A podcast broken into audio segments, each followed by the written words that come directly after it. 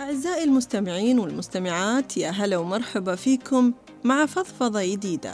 فضفضتنا اليوم راح تتكلم عن شيء اسمه الترانزستور يمكن حد سمع فيه وحد ما مر عليه من قبل.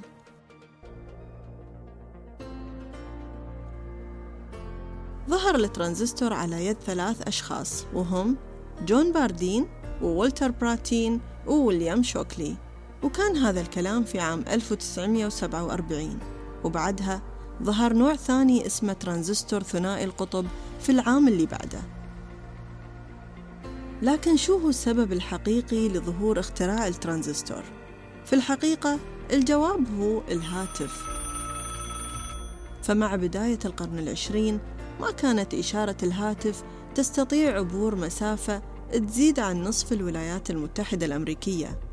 واحتاجت وقتها شركة AT&T عملاق الهاتف والتلغراف وسيلة لتعزيز إشارة الهاتف ونقلها من أقصى الشرق نيويورك إلى أقصى غربها في سان فرانسيسكو. بعد حوالي أربعين سنة نجحوا بالفعل في اختراع ما يمكن أن يكون الأب الروحي للترانزستور وهو الصمامات المفرغة.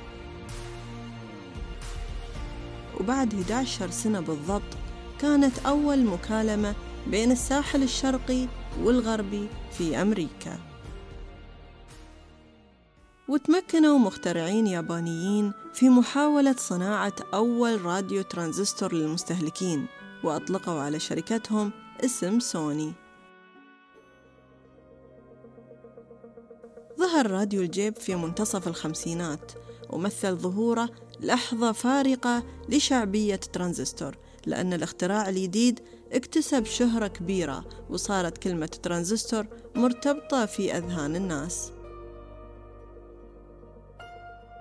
الترانزستور ما عادت بنفس جودتها قديما لكن صارت أكثر تطور وذكاء وتأدي وظيفتها بدقة متناهية وأكثر متانة من قبل والأروع من هذا كله إنها رخيصة جدا وصارت الحين منتشرة في كثير من الأجهزة حيث يعتبر العالم الفضائي والرقمي والراديو المتطور يحتوي على العديد من الترانزستورات.